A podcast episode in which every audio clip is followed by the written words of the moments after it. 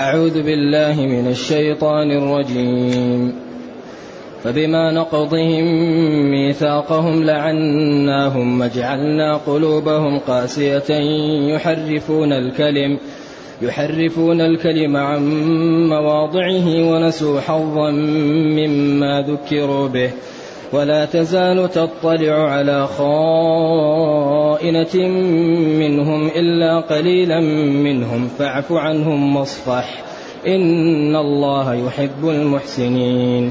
ومن الذين قالوا إنا نصارى أخذنا ميثاقهم فنسوا حظا مما ذكروا به فأغرينا بينهم فأغرينا بينهم العداوة والبغضاء إلى يوم القيامة وسوف ينبئهم الله بما كانوا يصنعون يا أهل الكتاب قد جاءكم رسولنا يبين لكم كثيرا مما كنتم تخفون من الكتاب ويعفو عن كثير.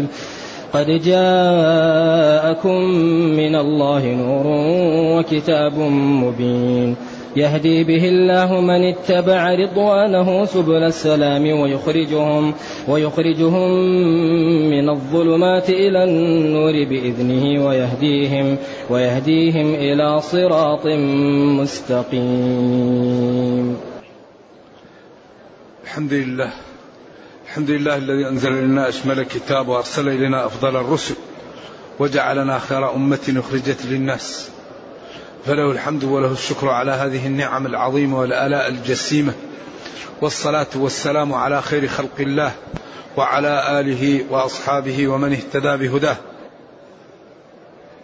ما بعد فإن الله تعالى يبين في هذه الآيات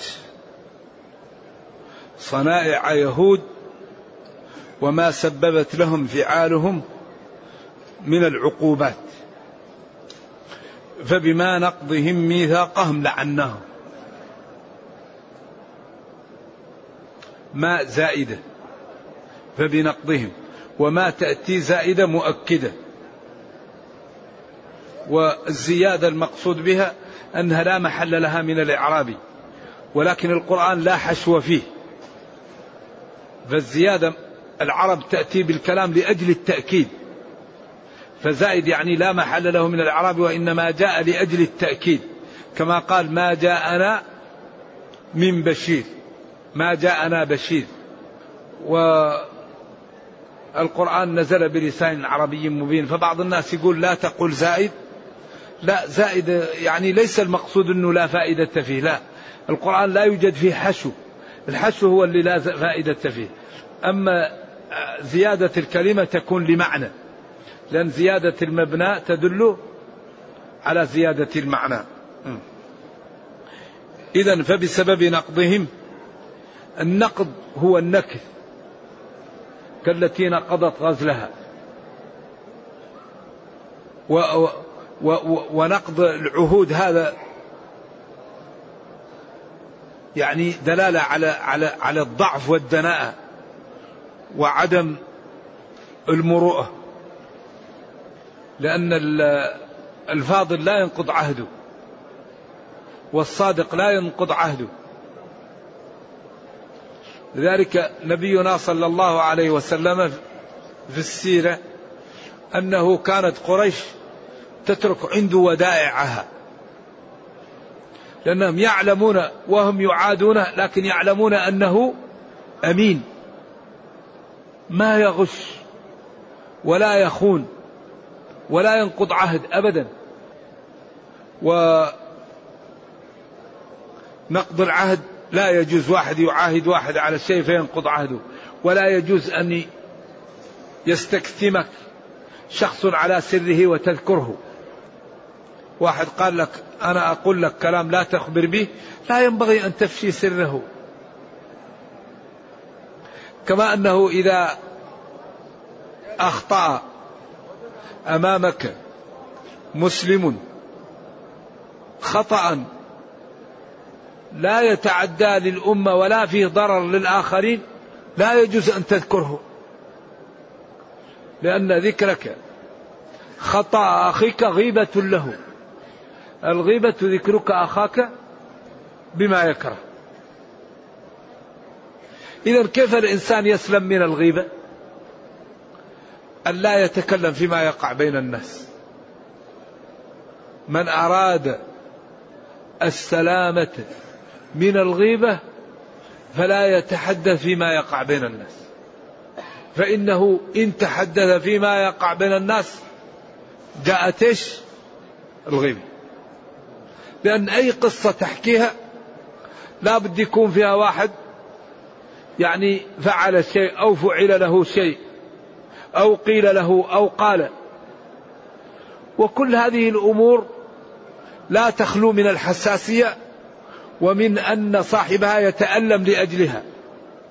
فلذلك الذي يسلم من الغيبة الذي يجعل كلامه في الإصلاح بين الناس في الأمر بالمعروف الأمر بالصدقة الأمر بإصلاح ذات البين الأمر بالتعلم الأمر بمساعدة ضعاف المسلمين الأمر بالطاعات.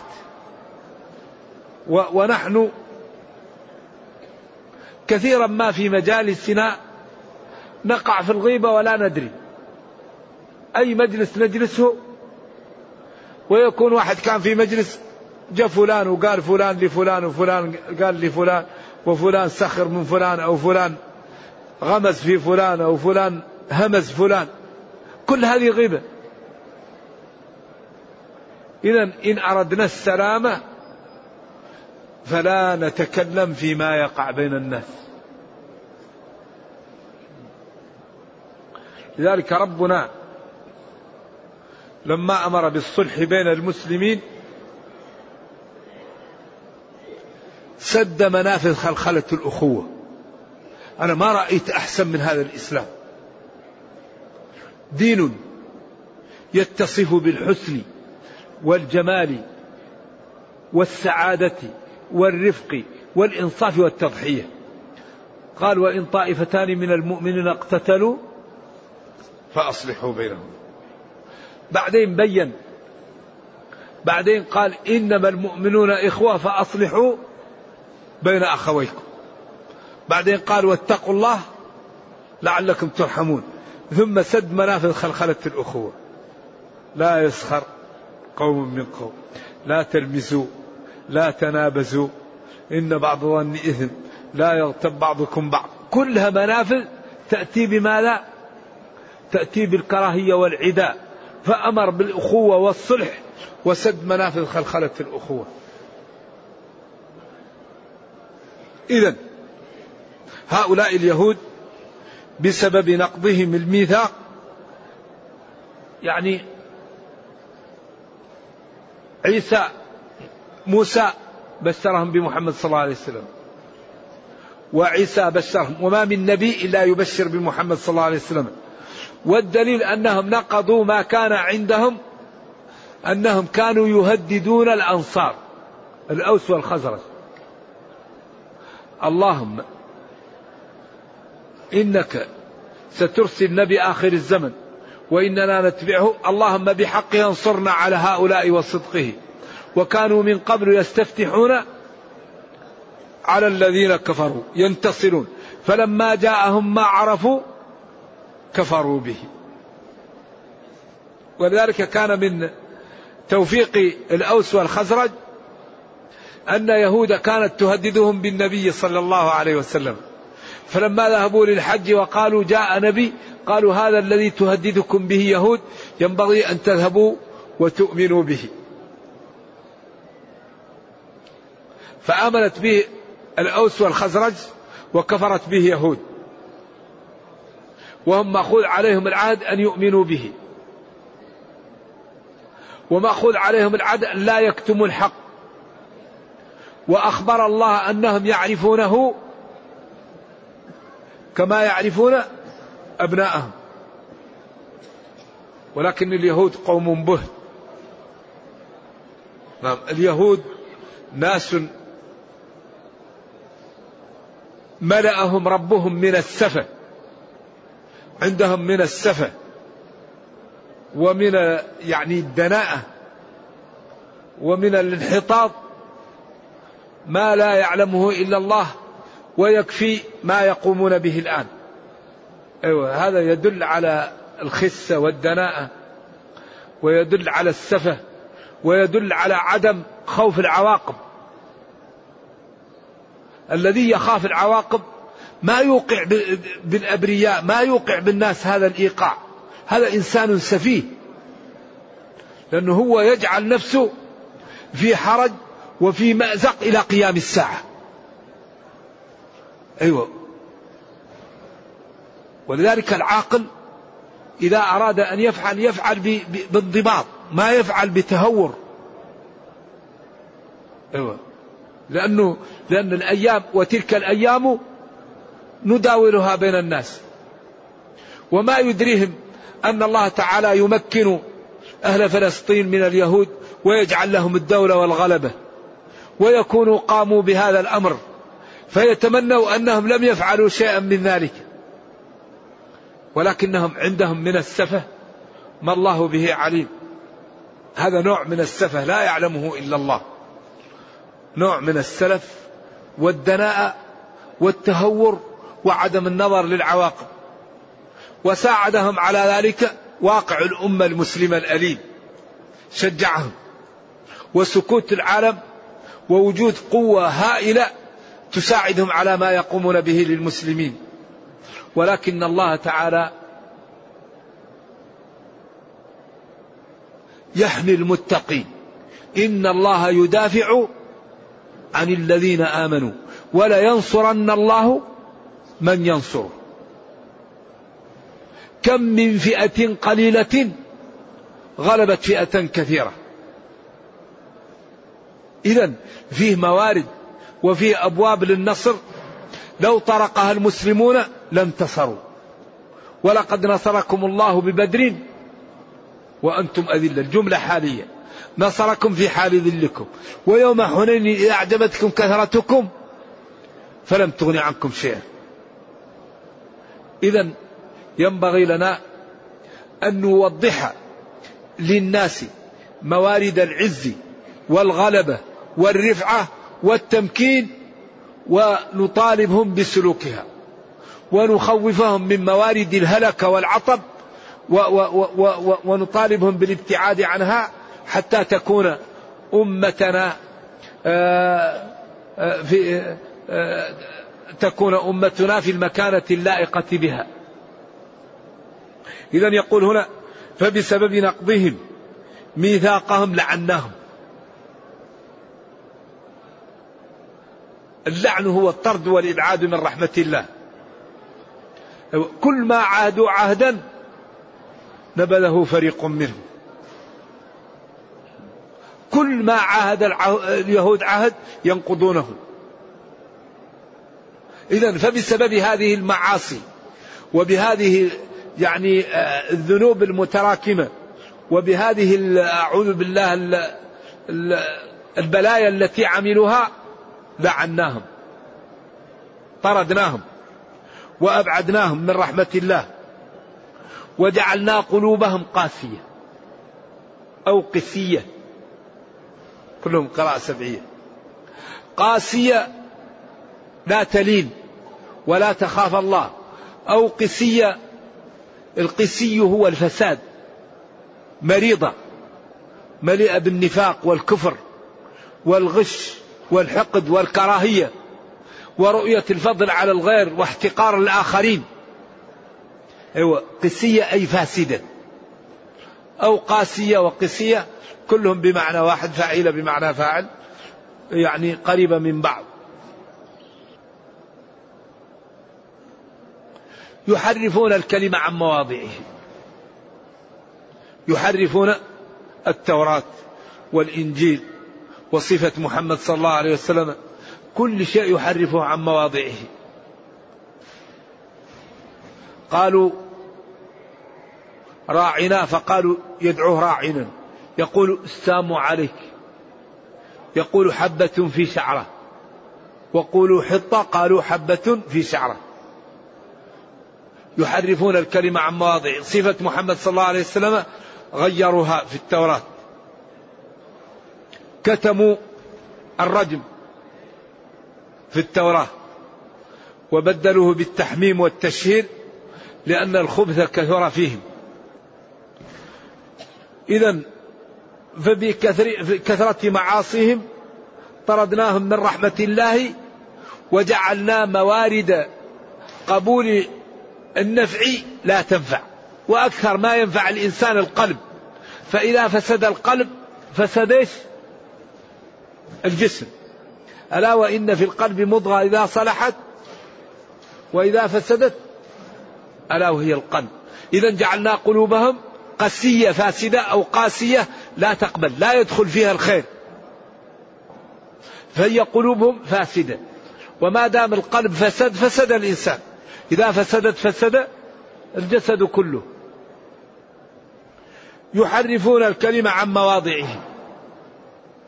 يحرفون ألفاظ التوراة والكلام عن المواضع التي هو فيه وعن معانيه وتركوا كثيرا مما ذكروا به ونسوا حظا مما ذكروا به. نسوا تركوا.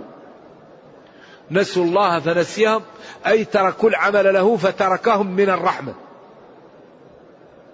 نسوا نصيبا مما ذكروا به أن هذا النبي يأتي ويتبعوه وأنه مبشر به أنبياؤهم وأنه جاء بالحنفية السمحة وأنه مهيمن على على كل الكتب ومهيمنا عليه.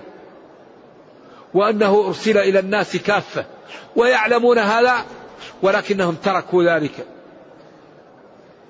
ولا تزالوا يا نبي تطلع ترى وتظهر على خائنة منهم. الخائنة عبارة جميلة تجمع جمع عجيب.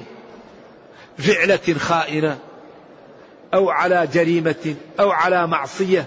لكن معصية يعني فيها نوع من الدناءة. هو الإنسان قد يعصي ولكن يعصي عنده إيش؟ عنده نوع من النخوة. لكن يعصي وهو دنيء خائن. لأن الخيانة من الأمور الدنيئة والكذب والسرقة. في في بعض الأعمال دنيئة. لذلك عنتر وهو كافر. لكن عنده قيم وهو كافر. قال وأغض طرفي ما بدت لي جارتي. شوف هذا الكافر كيف النخوة. حتى يواري جارتي مأواها. إني امرؤ سمح الخليقة ماجد لا أتبع النفس اللجوج هواها. كافر لكن عنده نخوة. لكن هؤلاء لا نخوة عندهم لا ذمة.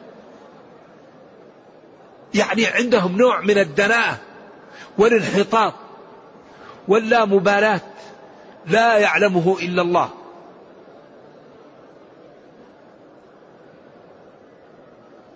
ولا تزال يا نبي تظهر وتطلع على فعلة خائنة أو عملية خائنة. خيانة معصية كذب احتيال تحريف غش. أخذوا رحى وأرادوا يضربوه به. سمموا سحروه. سحروه. وسمموا له اللحم وأخذوا رحا ووضعوه أرادوا أن يضعوه عليه. لكن هو ربه يحميه. أول الإسلام كان يحرس. بعدين قال والله يعصمك من الناس. طلع رأسه وقال أما الله فحماني فانصرفوا. بعدين لو جاء أهل الأرض الملائكة خلاص حمي. ولذلك أي واحد من الكفار يحاول به الله يحميه. الرجل الذي وجده في العضاه نايم في إحدى الغزوات ووجده نائم وأخذ سيفه وسله وقال له من يمنعك مني؟ قال له الله. فحط السيف. وجلس وناداهم وقال لهم هذا سل علي السيف وقال من يمنعني؟ فقال الله وما قتله تركه صلى الله عليه وسلم. إذا هؤلاء الذين هذه صفتهم لا تزال ترى منهم دسائس وخسائس وغش وخداع وكذب ومماحكة. فاعف عنهم. واصفح إن الله يحب المحسنين. من الغريب أن بعض العلماء يقول إن هذه الآية منسوخة بآية السيف. لكن كبير المفسرين ابن جرير وهو أحسن من يتكلم على الناسخ والمنسوخ. ما رأيت مفسرا يعني مثله في, في, في إتقان كلامه وخصوصا في هذا الباب باب النسخ. وهو باب لا يحق لطلاب العلم أن يتكلموا في التفسير إلا بعد معرفته. لأن النسخ هو رفع الحكم الثابت بخطاب متأخر عنه. فإذا كان الإنسان لا يعرف الناسخ والمنسوخ قد تكون الآية منسوخة ويرى أنها محكمة. لذلك بعض العلماء يقول فإذا انسلخ الأشهر الحرم فاقتلوا المشركين هذه ناسخة. كل معاهدة وكل رفق لا.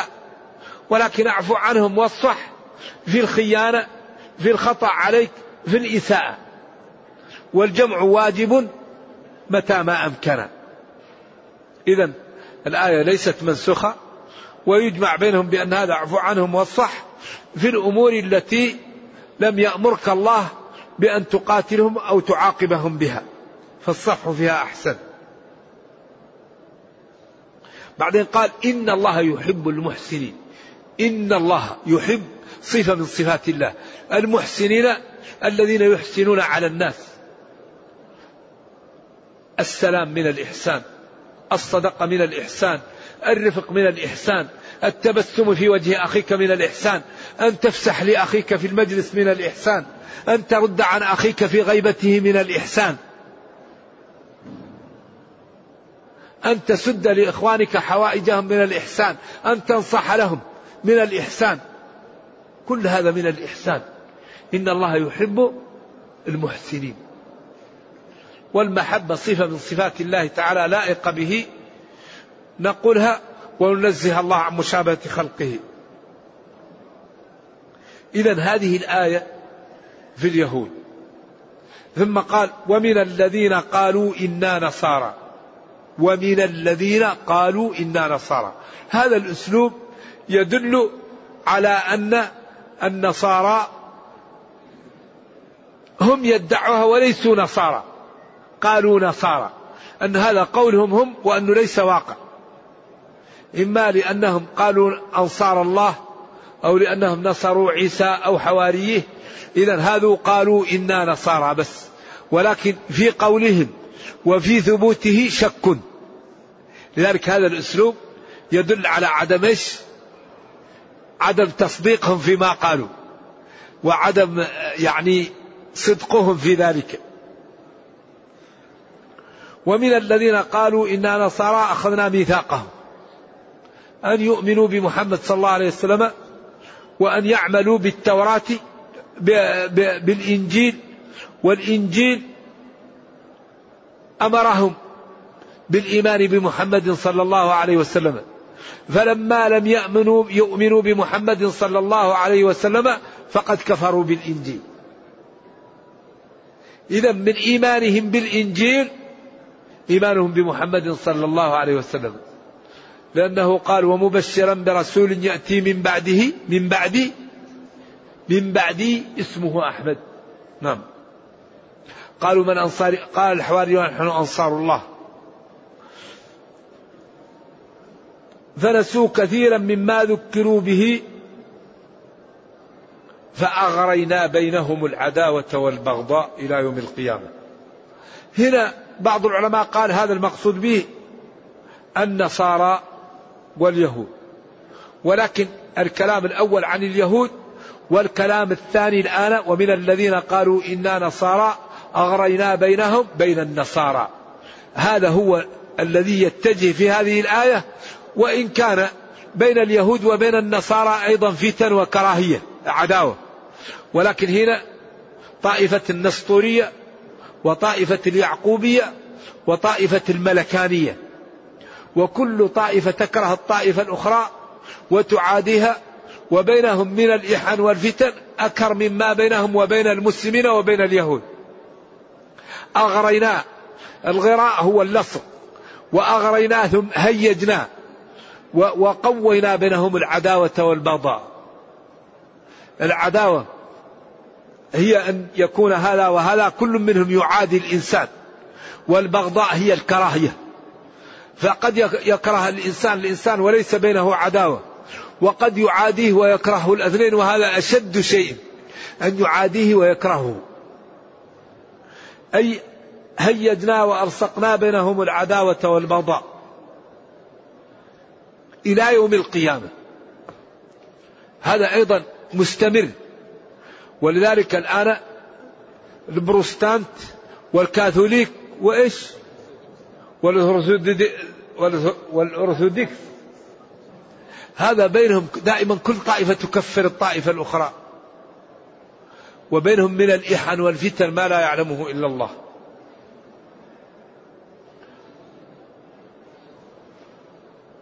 إذا السبب الذي وقع لهؤلاء من اللعن والطرد وهؤلاء من إغراء العداوة سببه المعاصي والذنوب.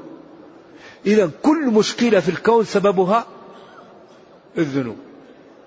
إذا إذا أردنا أن نسلم من الوحل ومن الضياع ماذا نفعل؟ نطيع الله نستقيم على الدين. إذا استقمنا على الدين الله حتما ينصرنا.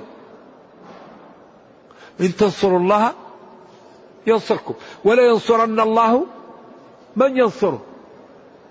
إذا ينبغي أن نعلم أين الداء. ينبغي لنا أن نفهم الداء ونعمل لإزالته. ينبغي علينا أن نعالج الداء الذي سبب للأمة هذا الضعف والهوان الذي تكالب عليها أعداؤها ولم يقيموا لها وزنا. السبب في عدم إقامة أعداء المسلمين وهم الكفار لهم وزنا لأن الأمة لم تمتثل ما أمرت به. لا بد أن نعلم أن الله تعالى لا يغير ما بقوم حتى يغيروا ما بأنفسهم. الله قال وأعدوا قال وأعدوا لاحظوا معي أعدوا. ما نوع هذا الفعل؟ هذا الفعل ما نوعه أمر. طيب الله يقول فليحذر الذين يخالفون عن أمره أن تصيبهم فتنة. إذا لا بد أن نحقق هذا الأمر أعدوا. لا بد أن نكف عن هذا النهي ولا تنازعوا. إذا في أبواب يجب أن نغلقها. وأبواب يجب أن نفتحها ويجب أن ننتبه حتى نكون في المكان اللائق بنا. لأننا لو استقمنا على الدين الله ينصرنا. إن عبادي ليس لك عليهم سلطان. الله يحمي. إذا إذا استقام العبد وعمل بما أمر به وكف عما نهي عنه وأعد ما يستطيع الأمر إلى الله. خلاص. يا ربي. أنا لا أستطيع أن نعد إلا هذا وأنا أطعتك ولم أعصك. خلاص الله ينصرك. إذا ينبغي لنا أن نتعاون على أن نستقيم على الدين. نتعاون على ترك المعاصي. نتعاون على فعل البر. نتعاون على أن نهتم بقضايانا. ما نكون نحب المغالطة. مغالطة. زايد مغالطة. زايد مغالطة. ينتج ماذا؟ ينتج مغالطة. هذا الحديث معجزة. تتداعى عليكم الأمم كما تتداعى الأكلة إلى قصعتها. قال أمن قلة؟ قال لا أنتم كثير. أنتم كثير. مبتدأ وخبر أنتم كثير. ولكنكم غثاء كغثاء السيل ولكنكم غثاء كغثاء السيل وفي بعض الروايات أصابكم الوهن. الوهن ما هو؟ ما الوهن؟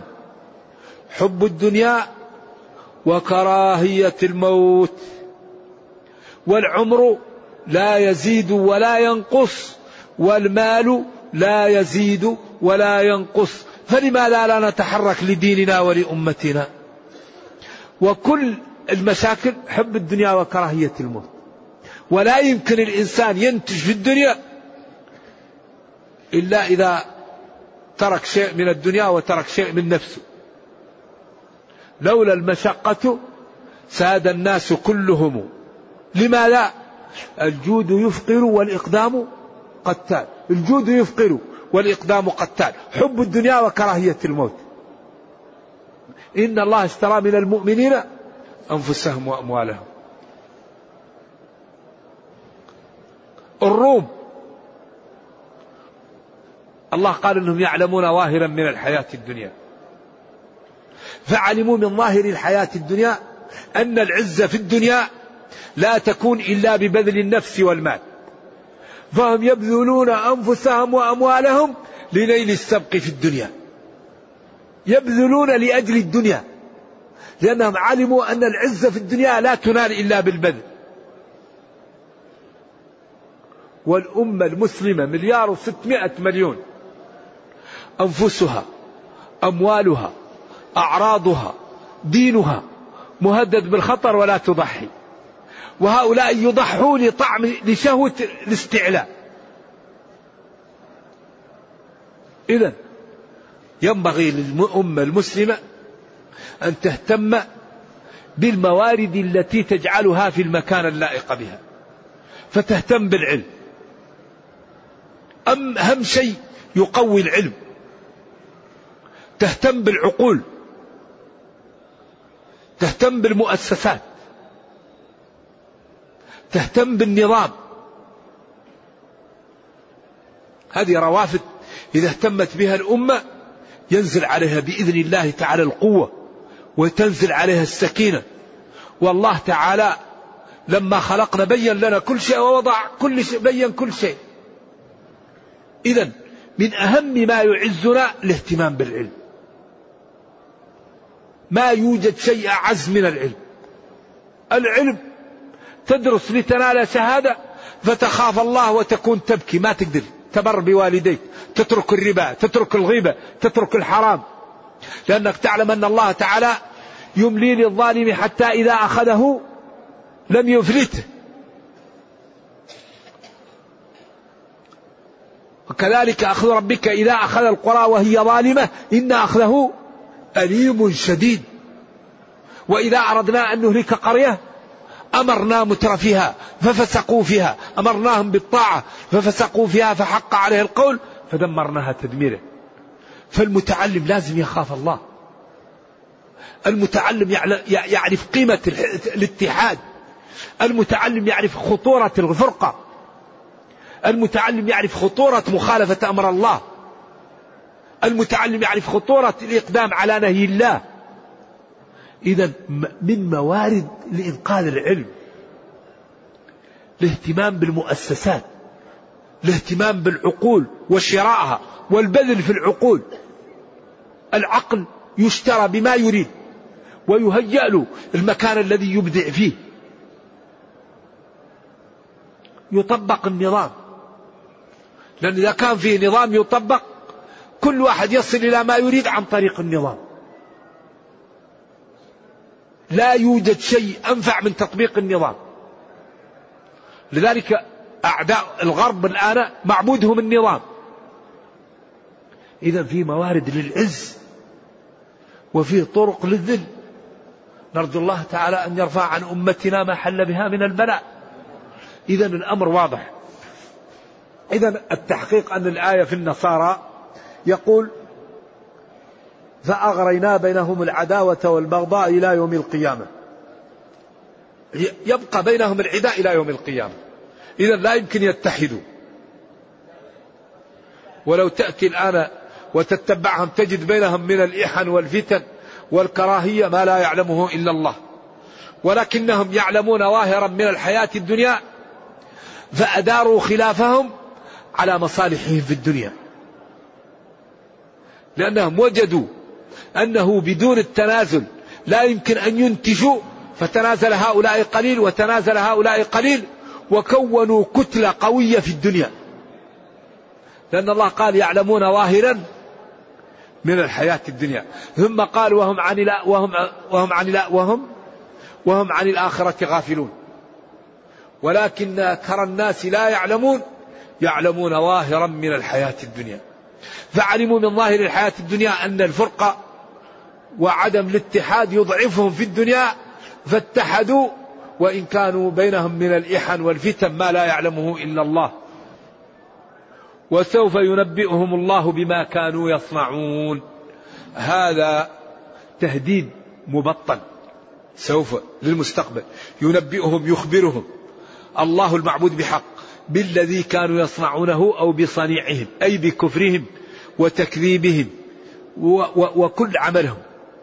اذا إذا لم يتوبوا وإذا لم يقلعوا يا ويلهم. اذا ماتوا على هذا.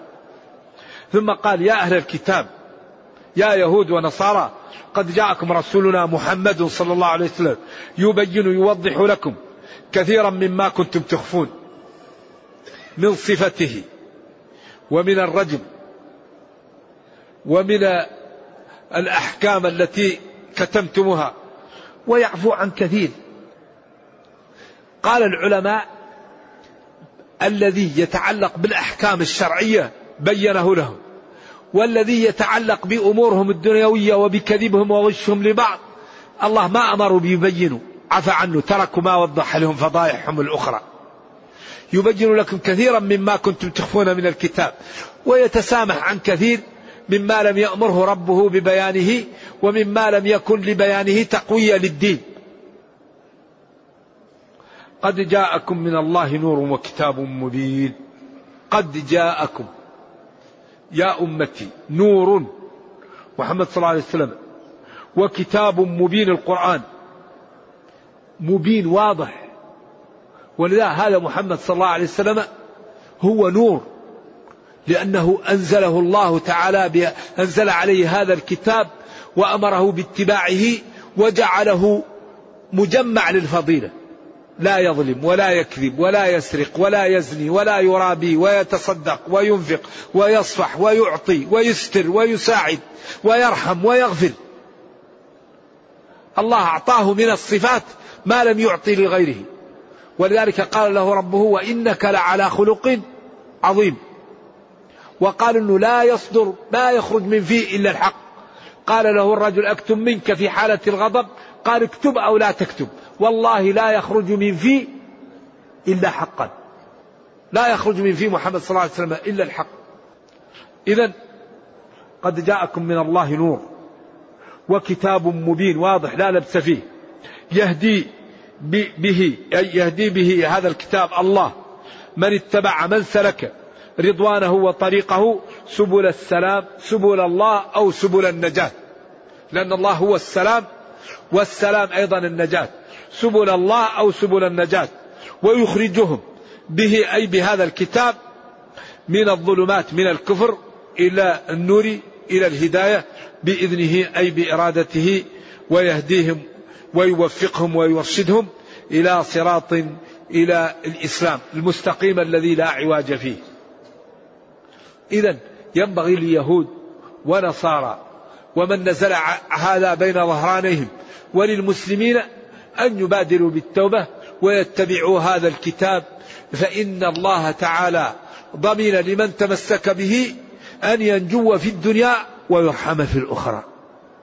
هذا الكتاب حري بمن تمسك به أن ينجو في الدنيا ويرحم في الأخرى. ولكن لا بد فيه من ماذا؟ لا بد من مكابدة الدين. الذي لا يكابد الدين لا ينمو الإيمان في قلبه. نرجو الله جل وعلا أن يجعلنا وإياكم من أهل القرآن. اللهم صل وسلم على نبينا محمد وعلى آله وصحبه وسلم. لا إله إلا الله العظيم الحليم. لا إله إلا الله رب العرش العظيم. لا إله إلا الله رب السماوات ورب الأرض رب العرش الكريم. اللهم ربنا أتنا في الدنيا حسنة وفي الآخرة حسنة وقنا عذاب النار. اللهم أصلح لنا ديننا الذي هو عصمة أمرنا وأصلح لنا دنيانا التي فيها معاشنا وأصلح لنا آخرتنا التي إليها معادنا. واجعل الحياة زيادة لنا في كل خير والموت راحتنا من كل شر. اللهم فرج عن إخواننا في غزة. اللهم فرج عن إخواننا في فلسطين. اللهم ارفع عنهم ما حل بهم من البلاء. اللهم إنهم لا حيلة لهم. اللهم انصرهم على عدوهم. اللهم عليك باليهود الغاصبين المعتدين. اللهم عليك بيهود ومن شايعهم. اللهم عليك بيهود اللهم إنهم لا يعجزونك. اللهم اجعل تدمير تدميرهم في تدبيرهم. اللهم اجعل تدميرهم في تدبيرهم. اللهم مزقهم. اللهم اجعل الدائرة عليهم. اللهم إنا نسألك أن تحفظ إخواننا في فلسطين وأن تحفظ المسلمين في كل مكان. اللهم يا حي يا قيوم برحمتك نستغيث. اللهم يا حي يا قيوم برحمتك. فرج عن إخواننا. اللهم إنا نسألك أن تفرج عنهم. اللهم إنا نسألك أن ترحم ضعفهم. اللهم اشف مرضاهم. اللهم أمن خائفهم. اللهم أطعم جائعهم. اللهم أكسي عريانهم. اللهم إنا نسألك أن تلطف بنا وبهم. اللهم ارحمنا وارحمهم. اللهم يا حي يا قيوم نسألك الإجابة. سبحان ربك رب العزة عما يصفون. وسلام على المرسلين والحمد لله رب العالمين. والسلام عليكم ورحمة الله وبركاته.